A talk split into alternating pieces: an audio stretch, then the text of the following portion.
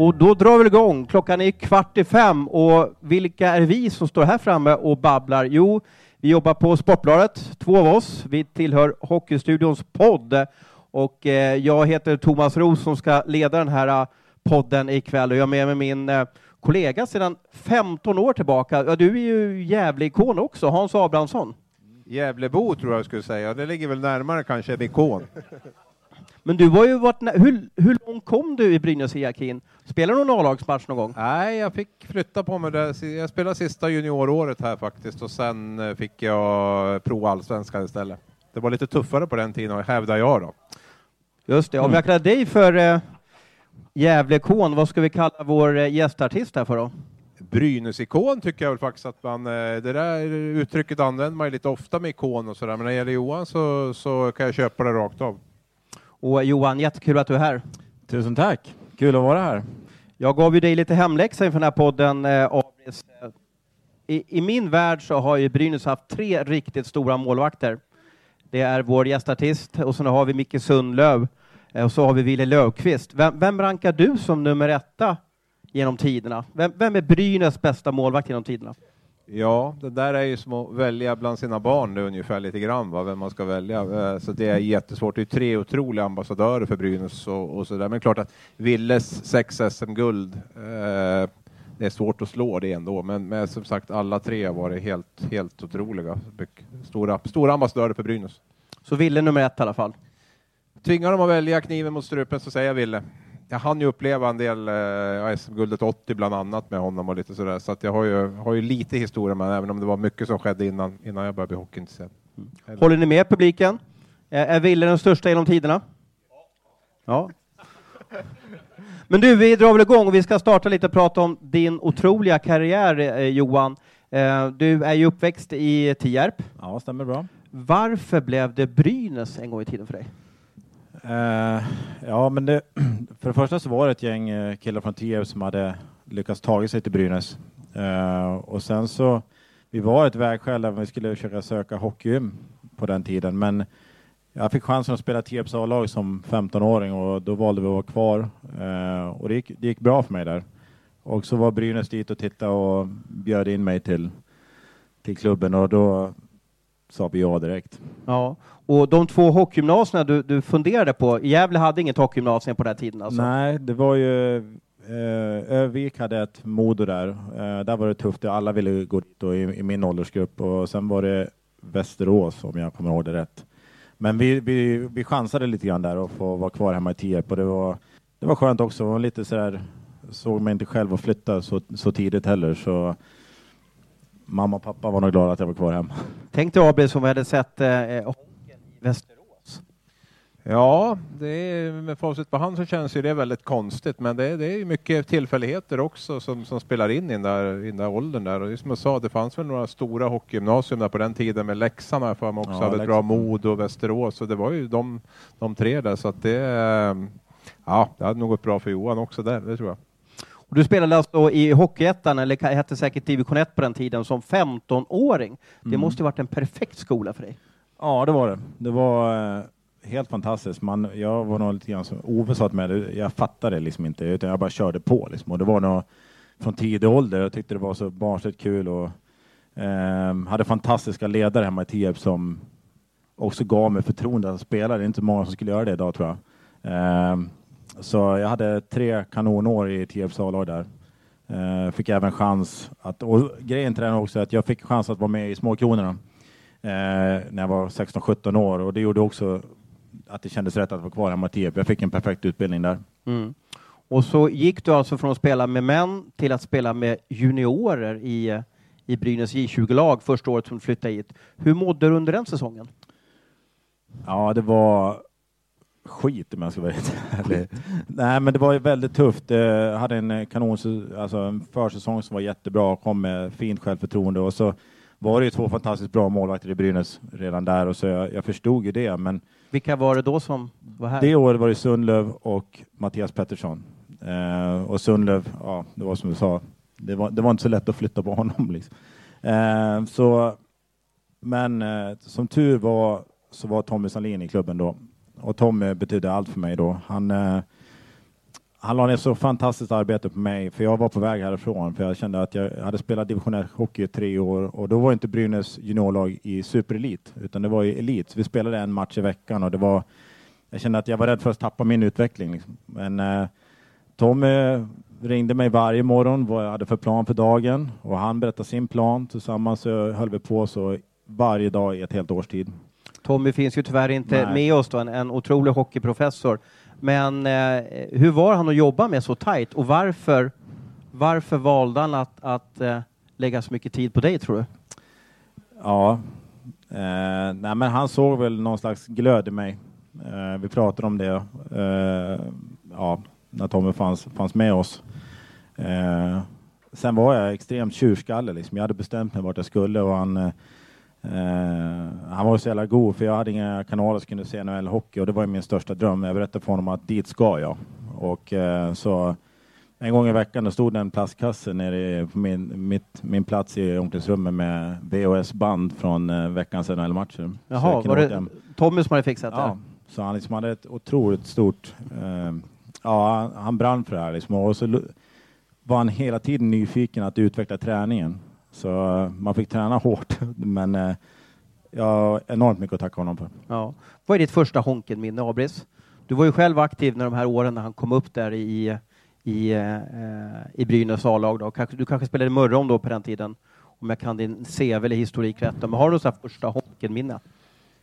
Nej, det, det är nog, jag bodde nog inte i stan då utan det, var, det är nog SM-guldet eh, 99 där som, som är det som, som jag liksom tänker på direkt när jag säger det första minne och sådär. Så det är nog eh, det, är nog det som, som är det. För jag bodde, inte, jag bodde i Norge då faktiskt. Mm. Så jag följde nog på distans. Men eh, ja, nej men det, det kommer jag mycket väl ihåg den säsongen, hela den säsongen egentligen. Jag har ett minne av Abris. Oj då, bra, jättebra. Nej, men grejen var den, eh, när jag spelade i Tierp så tog säsongerna relativt snabbt slut. Och då tränade Team Gävle här. Och det var nog, du var med och tränade då. Kan det stämma det? Sista året i... Ja, det Det här, det här är tidigt alltså. Jag var ju 15-16 år. Eh, och jag har minne av, eh, av dig. Var väldigt trevlig redan på den tiden. det var det Ja. Oj, oj, oj.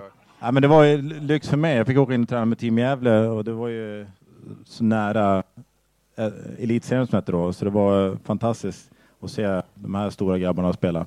Precis, precis. Vi eh, måste ju stanna vid det här första, ditt första SM-guld då.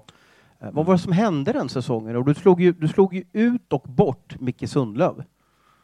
Var, var Mm, du så ung och oförstående att du liksom, eller gick du bara på något rus de här säsongerna?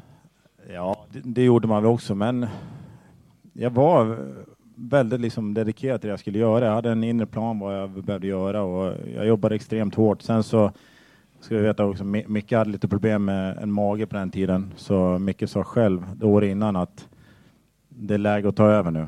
Okej. Så bara det var ju enormt att han sa det till mig. För det året man SM-guld så var det jag och Johan Asplund och vi var två barn som skulle stå i Brynäs och hur det skulle gå till, det var ju det var ju ett skämt. Jag kommer att sitta och göra reportage i en sandlåda. Hur ska det här bli liksom? Och, och vi kände väl att vi ska visa dem. Mm. Blev Sundlöv som en mentor man sett det första året? Eller hur? Det var ju en otrolig förändring där när man satsade på, ni var ju inte tonåringar, men det var ju i stort sett första året seniorer där. Ja, ja, men Micke var ju väldigt speciell som målvakt också. Han var väldigt fokuserad på sin sak. Han var, och det var också någonting som jag lärde mig, liksom att okej, det kanske är så här man behöver vara för att vara bäst. För Micke var alltså en fantastisk målvakt, så jag såg upp till honom enormt mycket. Eh, men samtidigt så var vi så enormt olika. Eh, Micke är mycket kortare än vad jag är och jag kände att jag måste hitta min, mitt sätt att spela. Och så var jag väl sjukt jävla jobbig bara. Jag körde som en idiot liksom. Och det var väl tufft att hänga på tror jag.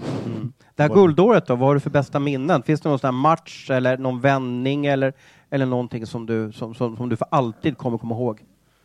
Ja, alltså det är ganska många minnen från den säsongen som är eh, ett direkt är liksom när vi slår i Luleå i semifinalen. Andreas Kustemo gör sitt första mål på hela säsongen i, i overtime hemma i Gavlänken. Det var sådär, det, det är dags nu. nu. Nu och vi ska möta Modo som var Ja, vi, vi behövde ju knappt spela den serien här för mig, det var några experter som sa.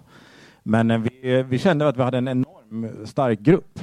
Och vi visste att vi hade Sveriges bästa spets. Vi hade en kedja del åren som var otroligt bra. Så vi hade alltid liksom, och vi växte tillsammans för varje dag som gick. Och, och match fyra är det ju här hemma gav egentligen ligger under med 5-1 tror jag.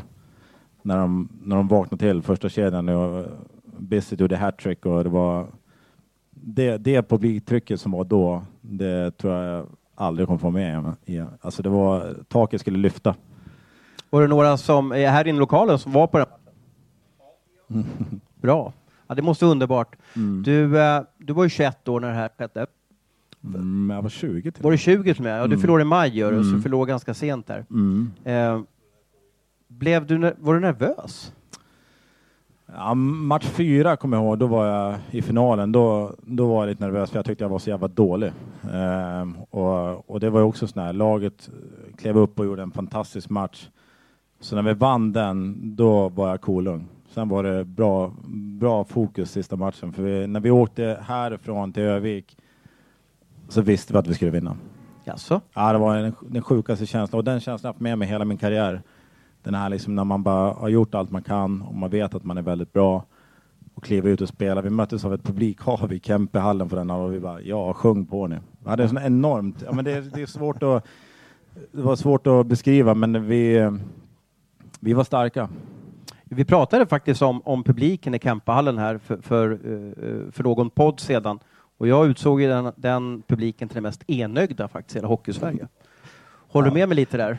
Ja, men de, ja, men det, de var ju en stark tro på sitt mod. Liksom. Ja, precis, och mm. ville hjälpa domarna ibland. Och så ja, men jag, jag, var så här, jag såg det som det var en skärm liksom, på något vis. Och vi, eh, jag tyckte det var så här, efterhand, liksom, när man, eh, det, var, det var starkt att vi kunde hålla, för jag kommer ihåg det, innan, innan Berg, alltså, när vi kom dit två timmar en match så var det fullsatt. Det var sånt jäkla tryck där inne. Men eh, ja, vi lyckades. En rolig bussresa hem kan jag... Ja, jag var helt slut. Jag kommer, jag kommer ihåg det. Melker som inte sa så jättemånga ord, men han bara nöp tag i mig. Liksom, ja, typ nu grabben, kom igen nu, nu njuter vi av det här.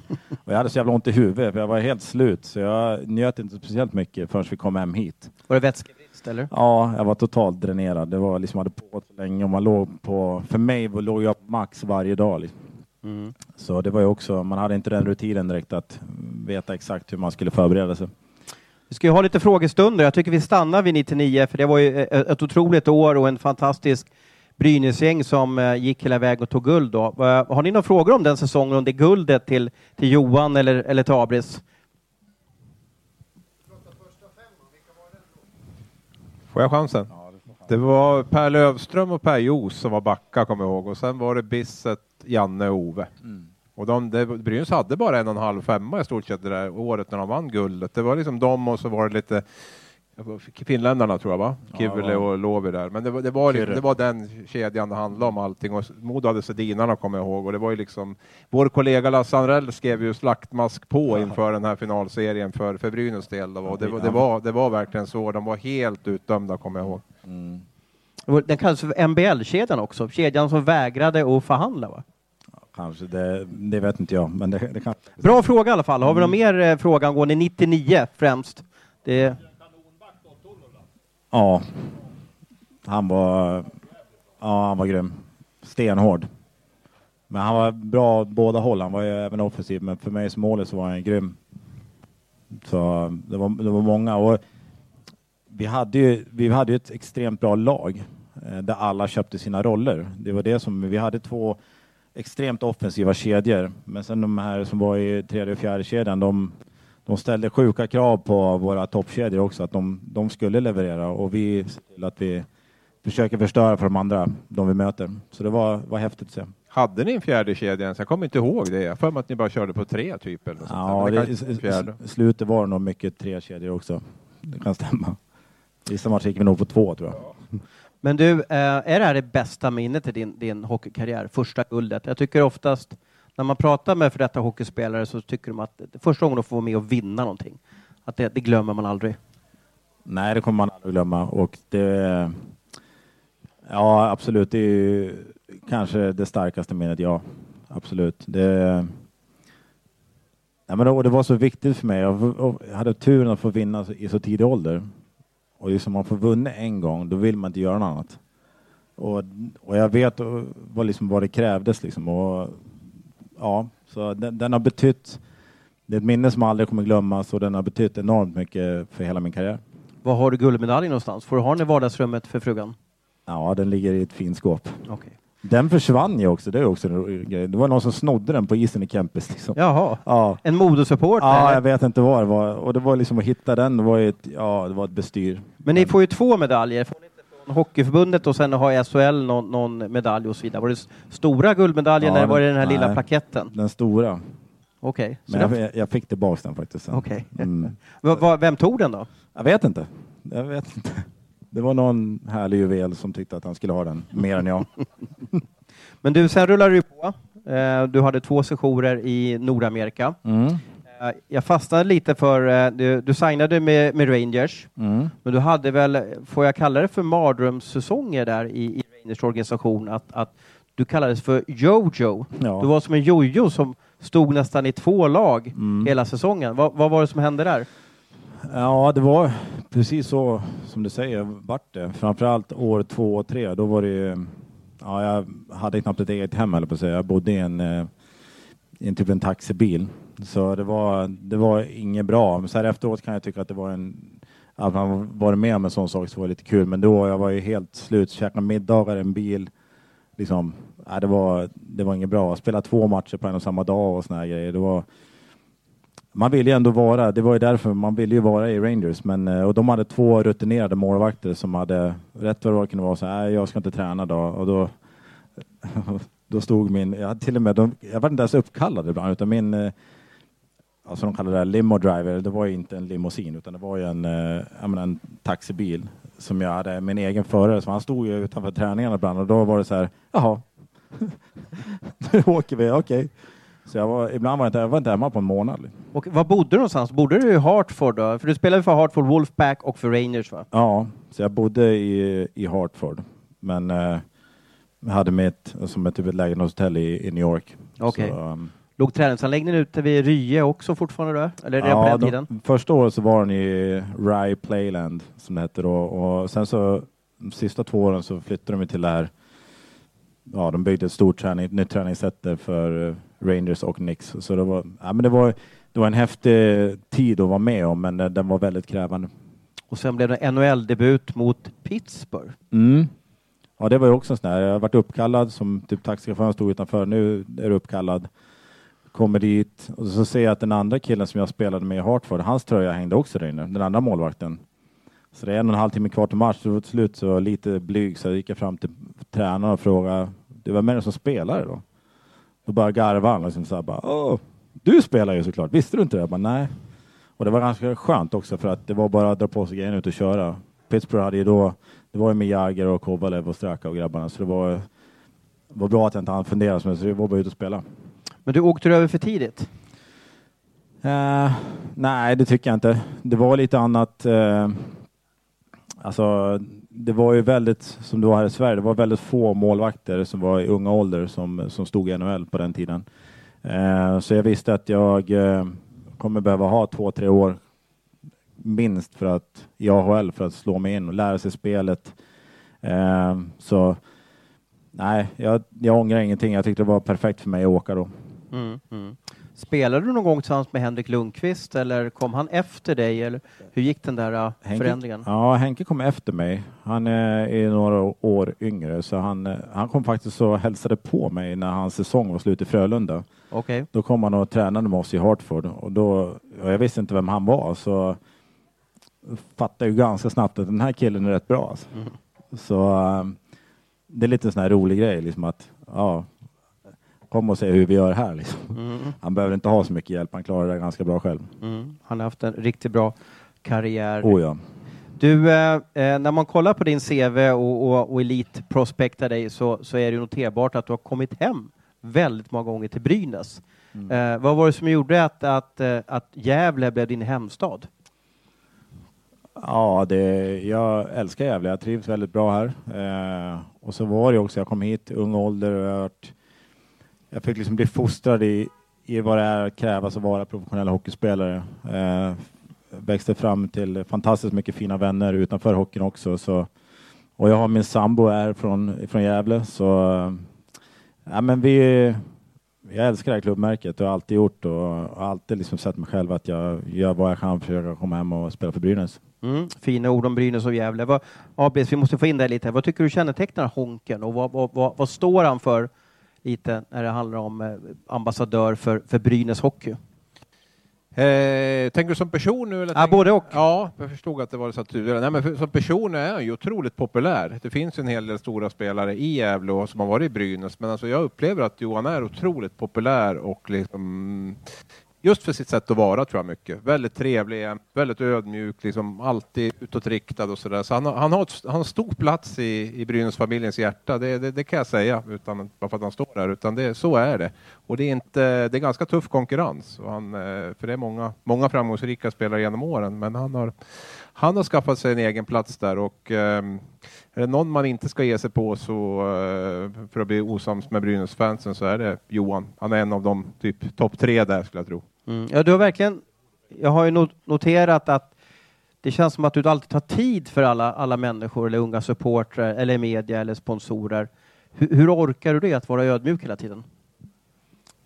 Nej, orka, det är, inte så, det är inte så svårt. Det är bara att vara sig själv eh, på något vis. Och, ja, men jag tycker att eh, det är så fantastiskt mycket människor som är där och stöttar en och supportar och älskar sitt Brynäs nu och liksom och, det, det, tar inte så mycket energi att stanna och säga hej och det är ganska kul att höra liksom deras, deras sida av det också. Nej, jag, men jag alltid liksom att få uppskattning för någonting jag gör. Det är lite så konstigt också tycker jag på något vis, men eh, nej, men man ska vara mån om varandra. Mm. Bra. Du, eh, det som kännetecknar också dig och din relation med Brynäs är att du blivit ratad. Hur många gånger har du blivit ratad av Brynäs? Ja, det, det, är några gånger, tre kanske. Att du inte tjurar ur då? Liksom. Nej, men nu flyttar jag till Leksand eller någonting sånt där. Ja, ah, men det, ja, jag vet. Bra fråga.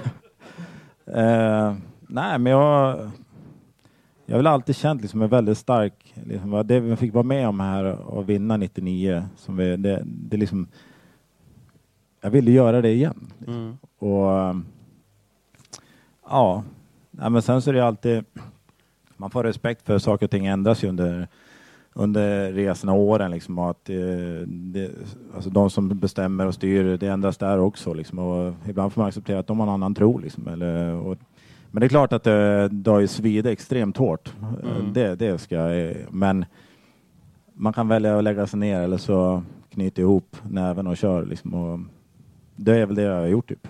För en av gångerna som du kom hem, det var ju då eh, när eh, Brynäs satsade på Lindbäck och Markström mm. och det slutade med att du hamnade i Frölunda. Mm. Och då mm. berättade eh, Micke Sundlöf med, han var ju sportchef för Brynäs, att det är det jobbigaste samtalet som han någonsin har haft i sin sportchefskarriär. Det var när han ringde till dig och sa att mm. tyvärr Johan, eh, vi kommer inte kunna ge dig något kontrakt. Nej, ja, det var Ja, men det var, vi har haft några såna känslomässiga samtal jag och Micke genom åren och det, det, det var eh, för jag hade liksom, kunde inte se mig själv spela ett annat lag i Sverige. Eh, och vi var borta i USA och det var... Ready to pop the question? The jewelers at BlueNile.com have got sparkle down to a science with beautiful lab-grown diamonds worthy of your most brilliant moments. Their lab grown diamonds are independently graded and guaranteed identical to natural diamonds, and they're ready to ship to your door. Go to Bluenile.com and use promo code LISTEN to get $50 off your purchase of $500 or more. That's code LISTEN at Bluenile.com for $50 off. Bluenile.com code LISTEN. Liksom flyttat till Ryssland, vi har, har familj och Så jag kände, vad fan ska jag göra nu, rent sagt. Mm. Slängde du på luren? Alltså, gjorde du det? Nej, nej, utan det är, jag, samma sak där, liksom att jag kände till både Jakob och, och, Anders, två fantastiska målvakter, unga killar, kunde se mig som jag själv kom upp. Eh, jag ville inte ens komma hit och ta, ta bort någon av deras platser.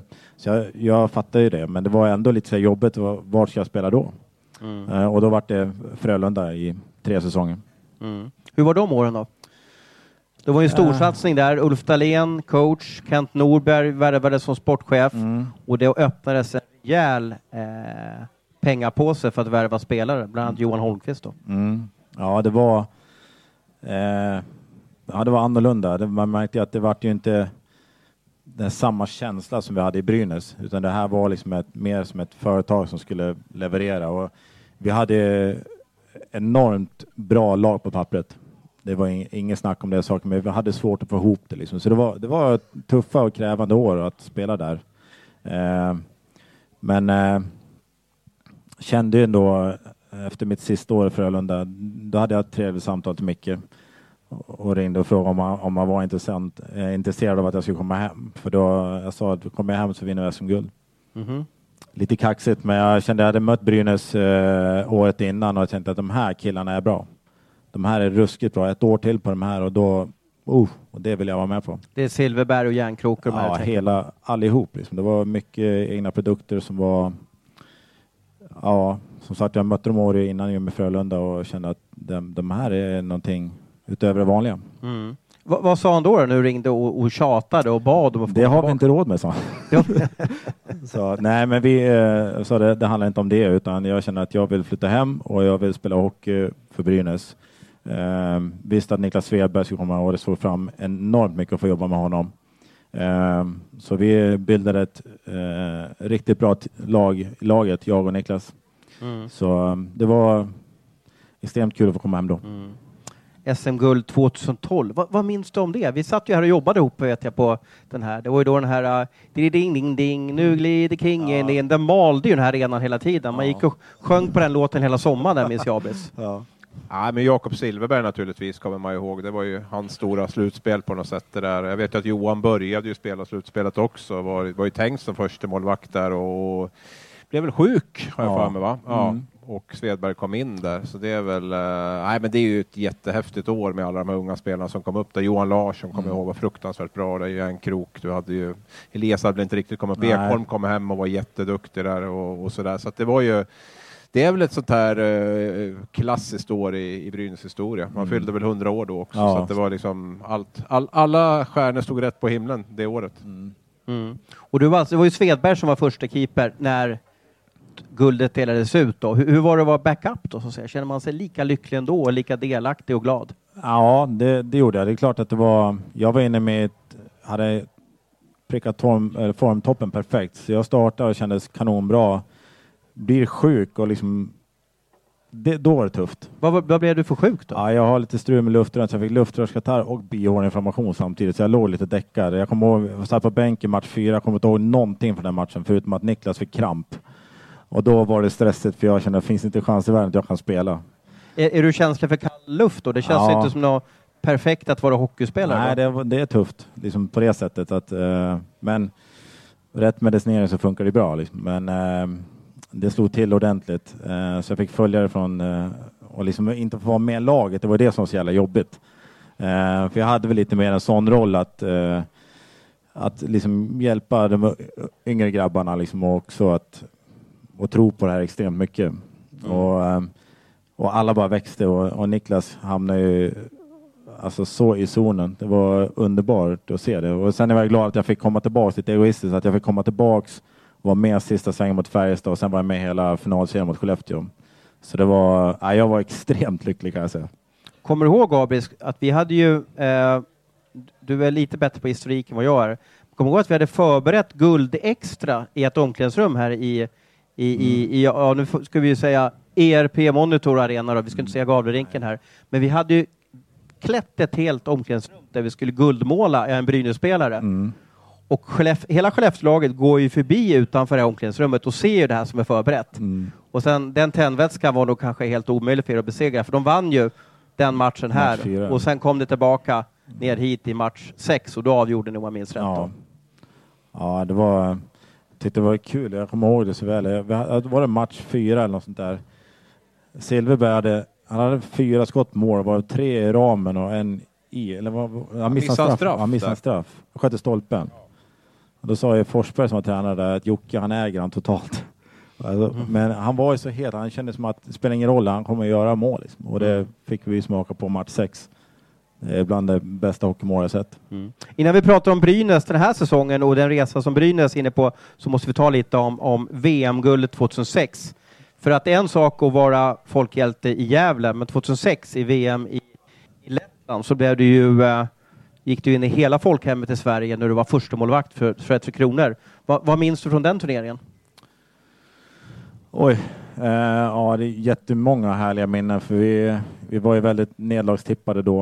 Eh, fick ju hem enorm förstärkning från Detroit och ja, precis. Beckis gjorde sin debut, eh, var min rumskamrat.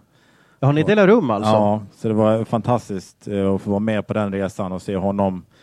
Han var så bra. Vet du. Han, det var lite grann som jag själv när jag kom fram. Man fattade inte att man var bra. Liksom. Man bara körde. Lägga klubba skridskor på malken första han gjorde. Det var liksom, vadå? Inget konstigt. Nej. Så det, var, det är många sådana här grejer och, och eh, eh, få vinna VM-guld för Sverige, det är ju bland det finaste man kan få göra. Så extremt stolt över det. Mm. Du, eh, hur var Beckis då? Vem, vem, vem chefade över fjärrkontrollen på hotellrummet? Hallå? Hallå, ja. Nej, givet men- svar där. Ja, nej men eh, det, var, det var väl vi samsades, men det var nog jag som... Men eh, det, var, det var så kul för Niklas var inte anmäld från början, så han var ju bara med och träna och sen så när, när Henrik Zetterberg kom så var ju Bengt-Åke Gustafsson som var förbundskapten då. Han var ju ganska snabb där och sa att lika barn leka bäst. Så satte ihop de här två och det var ju... Ja, man stod och tittade på träningen och tänkte så hur ska någon kunna ta pucken av de här? Det är ju helt fantastiskt att se det. Bra spelsinne på båda de pojkarna. Ja, otroligt bra.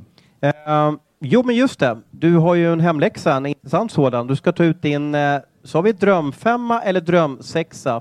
Du får nog bestämma själv om du tar ut eh, dig själv som målvakt och sen fem utespelare, två backar, tre forwards.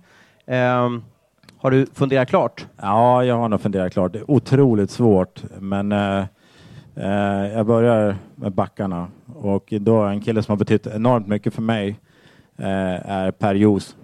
Eh, han, var min bänkkamrat i omklädningsrummet och han, man fick lära sig vad det handlar om att och liksom vara bra varje dag och han eh, hockey i ett helt annat tempo. Ganska långsamt tempo spelade han i, men såg hockey på ett helt unikt sätt. Eh, hans backpartner tar en kille som gjorde så enormt avtryck på mig. Han spelade tio matcher i klubben. Eh, men det är en kille, en finsk kille som heter Kimmo Timonen. Just det. Ja, det var... Då märkte man att okej, nu kommer in en back som är absolut en av de bästa i världen. Det var, det var häftigt att vara med på den, den lilla korta resan, men eh, det är många som, som man skulle kunna vara med där, men han, han sticker ut lite, lite extra. Jag har en fråga om Jot. Var han, var han kungen och trash? Ja, han hade svårt att vara tyst om man säger så. Okej. Både på den, det kunde vara både till fördel och nackdel. För våra kära domare tyckte väl sådär. okej. Men eh, han, eh, han var alltid lugn mot mig sådär, liksom, just i spelet. För jag kunde ju, man ung och ivrig. Då kunde han stå och prata bakom målet med mig. Såhär, Lugn nu Johan, det är inga problem det här. Liksom. Man bara, "Va? det är match här liksom. Bara, men han, så han var otroligt. Eh, dels viktig för Brynäs, han var enormt eh, stor anledning att vi vann 99. Eh, Forwardsidan så kommer jag ta Tom Bissett. Jag kommer ta Ove Molin och att jag fick vara med i början på Niklas Bäckströms karriär. Ja, just det. Hade den kedjan funkat bra ihop, tror du? Hyfsat bra kan jag säga direkt. Det, där finns det mesta i den. Vad säger ni i publiken? Saknar ni någon i, i, i Honkens drömfemma? Är det någon spelare som ni känner att varför har ni inte tagit med honom för? Det måste vara många som helst. Ja, tystnad just nu i alla fall. Ja. Vad säger du om drömfemman då, Abris? Nej, men det är väl bara att, att hålla med där. Det är ju tuff konkurrens. Men som, som Janne Larsson har ju varit otroligt bra, men samtidigt Bäckis kan man ta bort han när det går inte. Ove, det är svårt att ta bort också. Bisset är ju, ja, han är ju snudd på Honken populär i, i Brynäskretsar, så att det, och Per Joos, det är bara att hålla med. Det är ju ett geni på många, många plan, höll jag på att säga. Och, Timonen också, jag kommer ju också ihåg han från det här och det, det är som jag säger, det, det, var en, det var en nivå över det man var van vid som Mm. kom in där. Och, eh, ja, han satte snabbt avtryck. Så det är väl, det är väl fem jättebra namn. Du kom ju hem, eh, Honken, från NHL. Eh, ja, två gånger gjorde jag. Mm. Du har inte lika framgångsrik karriär som Elias Lindholm har eller, eller, eller Silverberg eller Bäckström. Men tror du Brynäs har en chans att få hem hela här artilleriet om något år? Alltså, är de sugna de här pojkarna på att äh, men nu, ska vi, nu ska vi ta ett nytt guld åt, åt Gävle? Eh, den är ju svår att svara på, men jag tror att eh, en del av dem kommer verkligen tror jag vilja komma hem. Men, jag tror, men sen vet man inte hur karriärerna blir. Eh, liksom, de är ju enormt framgångsrika allihop i sina respektive NHL-lag. Så, men uh, jag tror att det är några stycken som kommer komma hem, ja. Mm. Innan vi avrundar, vad, vad gör du idag? Jag hör att du har problem med en slemsäck, stämmer ja. det? Ja, men, ja.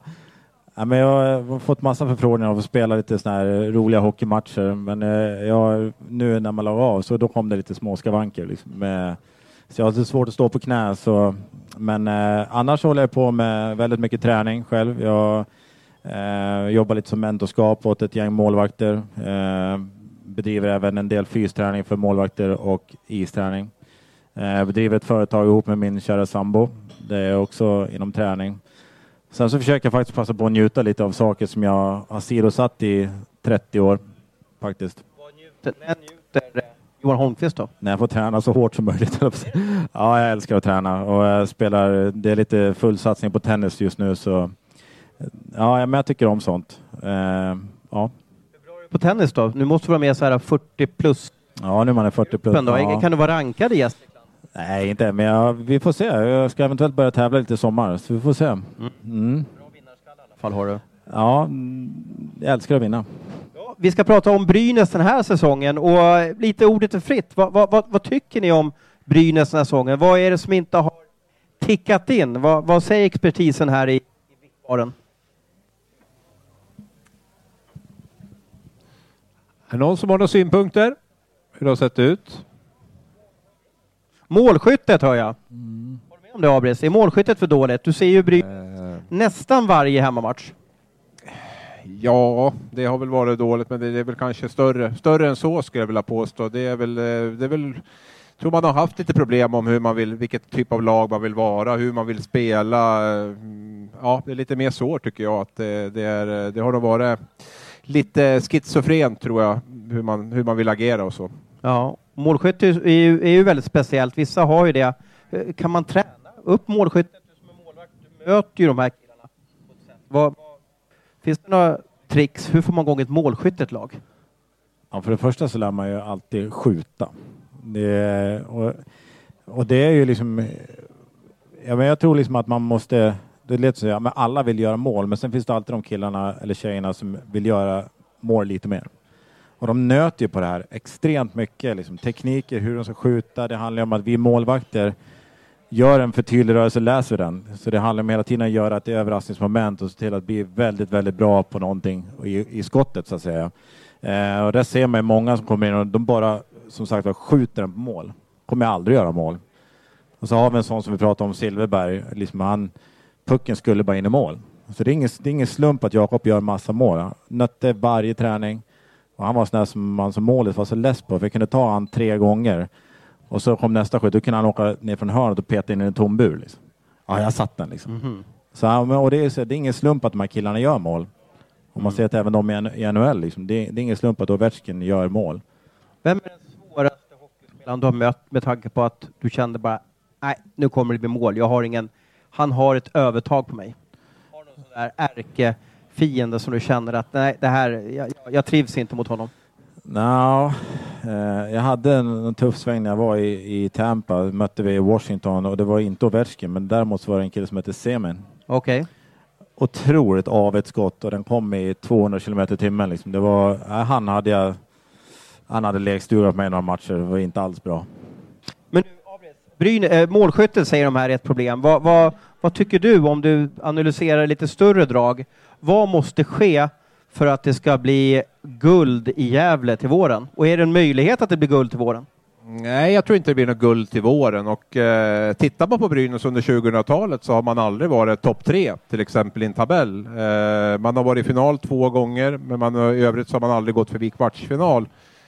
Och det är klart att man måste ju titta lite grann på vad, vad det beror på. Jag brukar ha en sån här formel lite grann som, som jag kallar för KKU. Det är KKU, eh, KKU den har jag aldrig hört talas om Nej. va? Nej. Men det är ju kompetens, kontinuitet och utveckling. Och där tycker jag kanske att Brynäs har um, haft lite problem. Jag tycker om man tittar på, om man pratar om kompetens så pratar jag mycket om ledarsidan, tränarsidan. Eh, kontinuitet vet alla som har varit här att den har inte varit speciellt bra de senaste, ja egentligen sedan 2015 eh, och sen utveckling också, att man är nyfiken, att man vill lära sig. Vad är det som gör andra klubbar bra? Varför är Frölunda bra? Varför är Skellefteå varit bra? Varför har Växjö varit bra? Det kan jag också sakna lite grann och där tror jag det är liksom ingen quick fix att bara bli ett topplag som ska ligga på den övre halvan utan det är någonting som man måste sätta sig ner och verkligen gå, till, gå djupt in i om man nu vill vara ett lag på övre halvan. Mm. För att man kan ju säga också att Brynäs har gjort det bra. Det är enda lag som inte har varit ner och kvalat, och alltså spela allsvenskan och så. så att, och vara ett lag på den undre halvan och gå till slutspel ibland, där har man ju varit duktiga. Det har man ju, där har man ju hankat sig kvar hela tiden. Men eh, ska man bli ett topplag över tid och vara på den övre halvan, då tror jag man har jättemycket att jobba med. Men du, nu är hela Brynäs-familjen samlad igen. Vi har Ove Melin tillbaka, vi har Sundlöv tillbaka, Kell fortsatte, han var, hoppade in i styrelsen och då blev han general manager. Så att nu har vi väl kompetens? Jo, det finns kompetens. Samtidigt har man precis börjat jobba och det kanske tar en fyra, fem, sex år innan man är där, man, där de här topplagen är. Som jag räknar som riktiga topplag i, i SHL, för det är ganska tuff konkurrens. Ska det vara topp fyra i SHL, då är det ganska tuff, tuff konkurrens. Och jag tycker att många klubbar har ett försprång där i och med att man har jobbat med kontinuitet, man har jobbat med utveckling och man har eh, även, tycker jag, väldigt duktiga tränare. Mm. Så, att, eh, så det, det, finns ett jobb att göra. Jag tror att den, inför den här säsongen, jag tror inte riktigt man förstår hur svårt det är, hur tufft det är att vara högst upp där. Och det, det tror jag att man måste inse först innan man börjar gå ut och prata om att man ska vinna ja, vad var det, tre SM-guld på tio år, eller var det fem mm. SM-guld? Och att man ska vara topplag och man ska spela en positiv hockey och så. Och det, där tror jag man har mycket att och, eh, lära. Ser du alla hemmamatcher på plats eller ser du framför TV eller har valt bort lite att bli för mycket hockeynörd? Nej, men jag ser, jag har nog sett stort sett alla matcher. Eh, lite blandat både hemma och här. Eh, eh, nej, men man ser till årets lag så har de väl haft lite svårt att hålla ihop det över tid. Man är, man är periodvis bra och sen så dippar man och då har man dippat man rejält. Eh, nej, ja, den är ju den är ju lite svår, men jag, men jag tror liksom att, att man, man måste gå in och verkligen göra det man ska göra. Det är lätt att säga, men att det är lätt att tänka så stort att man, man blir inte nöjd med att spela enkelt eller man vill alltid vara kreativ och de, de har ju väl haft den spelstilen att vara ett väldigt kreativt och spelande lag. Men det lär man ju vara när det är tillfälle för dig. Eh, så, och, det, och det är så kostsamt. Ett misstag och det är mål i baken direkt. Det, så det gäller liksom att man kan de bara få tajta ihop det och spela ja, det är enklare hockey liksom. så finns det ju kompetens och finns en spets i laget som kan få göra det offensivt då. Och det, och det här bygger, jag som målis då, så bygger det också en trygghet till att stå längst bak. Blir det väldigt spretigt framför vilket har varit alldeles för många matcher, då, då, är det svårt att sätta stora krav på den som står längst bak också. Så Ja. Det är bara att titta på David Rautio som var så utskälld och snudd på hånad här under vissa säsonger när man inte hade ett försvarsspel. När Thomas Berglund var här så var han inte det, men tittar man på honom i Luleå nu så är han hur hyllad som helst, håller nollan i stort sett varje match. Så målvakten är så otroligt beroende av hur mm. försvarsspelet ser ut och det är ju lite grann det som har varit Brynäs stora problem tycker jag, att det är Eh, bortsett från Thomas Berglunds år så har det varit för, för dåligt försvarsspel. För dålig struktur, för dålig kravbild hur man ska spela i försvarsspelet och, eh, och så vidare. Mm. Mm. Du, det är en månad kvar, eller lite mer än en månad kvar till transferfönstret stänger. Eh, eh, vad tycker du Abis? Vad behöver det här laget för att de ska gå upp en nivå, bli lite bättre? Är det, är det en back eller en forward och vilken typ av spelare? Och du får gärna komma med namn. Silly lockar ju där. Uh, och, uh, vad tycker du att Sundlöv ska värva hit eller ringa hit på något sätt? Nej, men det, de har ju varit öppen med att det är en forward. De ska ju ha en ersättare för Jesper Bokvist då, så att det är ju det de är ute och letar efter. Sen är det säkert jättemånga här inne som tycker att en back kanske egentligen skulle vara mera prioriterat med tanke på att det har varit lite vingligt där bak. Sen tycker väl inte jag kanske att det är någon enskild spelare som ska komma och rädda upp eller liksom göra dem till topplaget. Jag tror det är inne på att man måste försöka jobba nu med kontinuitet. Tittar man på tränarsidan här så har man väl haft en fem tränare på fem år eller någonting. Man har bytt sportchef fram och tillbaka. Där är Stefan Bengtzén kommer in och ersätter Sundlöv och de två har helt olika sätt att se på det. När, när Bengtzén har byggt klart så kommer Sundlöv tillbaka och har ju en helt annan syn på än hur Bengtzén sett på det. Så att jag tror att man måste jobba väldigt tålmodigt, professionellt eh, framåt. Kanske inte bara se den här säsongen utan se det lite mer på sikt också. Men har supportrar och sponsorer, har de, har de tålamod över fyra, fem år? Ja, jag upplever att det är ganska hyggligt tålamod här ändå. Det är klart att det gnälls en del liksom sådär, men jag tycker ändå inte att det är inte så att laget blir lynchat om de åker ut i en kvartsfinal ett år eller till och med missar slutspel, utan det, det är klart att några är missnöjda, men det är inte så att det är någon så här Toronto press liksom på att du måste leverera eller kanske som i Färjestad till exempel. Skulle de eh, åka ut i kvartsfinal fem år i rad så skulle de ju definitivt inte det skulle inte vara lugnt där. Så att det, det finns hyfsad arbetsro här ändå, det, det, det, gör det. Men det är klart att det gäller ju att, det gäller att visa att man tar steg. Mm, mm. Men när du ser matcherna Honken, finns det något speciellt du tänker på? Något sånt? Ah, ska jag ringa till Sundlöv och säga men du, tänk så här när ni gör när ni inspel i zon eller, eller boxplay eller någonting. Någonting speciellt som du tänker på att det här är inte optimalt just nu? Nej, men det var lite grann som jag var inne på, att det är lite, det är lite spretigt, att man, eh, man, man tänker, man funderar på hur man ska spela hockey. Och redan där så är du steget efter. Uh, och jag liksom just från, en, från längst bak, liksom att, att man kan spela med tålamod och pondus där bak, liksom att uh, skicka signaler till varandra att det är det här som gäller. Det, ibland är det lite grann att vi ska vara lite för kreativa tycker jag. Uh, det handlar om att vinna hockeymatcher och det handlar inte om hur vi vinner hockeymatcher. Och, men Samtidigt vet jag när man är i det där att det, det, är väldigt lätt att sitta och säga och tycka och tänka. När man är där, alla jobbar så extremt hårt och man vill ju vinna. Liksom. Och då blir det ofta så att man försöker lite för mycket. Och det har varit supertydligt tycker jag. Mm. Där att, eh, jag pratade med någon som sa att de jobbar inte, de jobbar för hårt. Det är liksom, låt, låt spelet komma till dem själva ibland. Det ser ut ibland som att man inte jobbar så hårt. Men så kan det se ut när man inte är i den position man vill vara och ska mm. vara. Sen ska vi ha klart för sig det, och det, det vet ju Johan också, om att, som jag var inne på, alltså topp fyra, SHL, man kan tycka mycket om den här ligan, att det är liksom att vi tappar kvalitet och sådär, men ska du vara med och slåss topp fyra och topp fem, då krävs det jäkligt mycket av både ledarstab, spelartrupp, den dagliga verksamheten och, och allt det där. Det är, det är stor skillnad att ligga och skvalpa ner 8, 9, 10 mot för vad det krävs för att vara med där uppe. Och det, det tror jag är viktigt också att alla förstår, att man inte bara tror att vi värvar två eller tre spelare och så kommer det att bli bra. Det är så mycket annat som, som behövs till för att eh, vara med och, och vara ett topp fyra-lag om vi räknar där. Över tid dessutom. Ja, kravbilden lär ju vara där varje dag. Och liksom att, precis som du säger, att man får kontinuitet i det, att så här är vi, så här är vi i Brynäs. Och det är precis som du säger, det, det, kommer, det kommer ta lite tid. Och det gäller att ha lite tålamod där. Tack så hemskt mycket för att ni kom hit och lyssnade på, på oss. Och, eh, det har varit jättetrevligt att stå här och prata hockey. Vi ska släppa dig Johan. Du ska hem på födelsedagskalas. Kan du berätta vad du köpt till, till eh, grabben? Mm, lite kläder. Lite kläder. Mjuka paket. Ja, ja, men jättebra. Kul att ha dig här. Abris, du är kung som vanligt. Eh, vi syns på, på måndag i vår vanliga Hockeystudion-podd. Och uh, kör hårt nu. Ha en riktigt bra match nu. Ja, jag ska upp och jobba lite här nu så vi får väl hoppas att det blir lite hemmaseger och lördagsjubel. Ha en riktigt trevlig lördagkväll allihopa.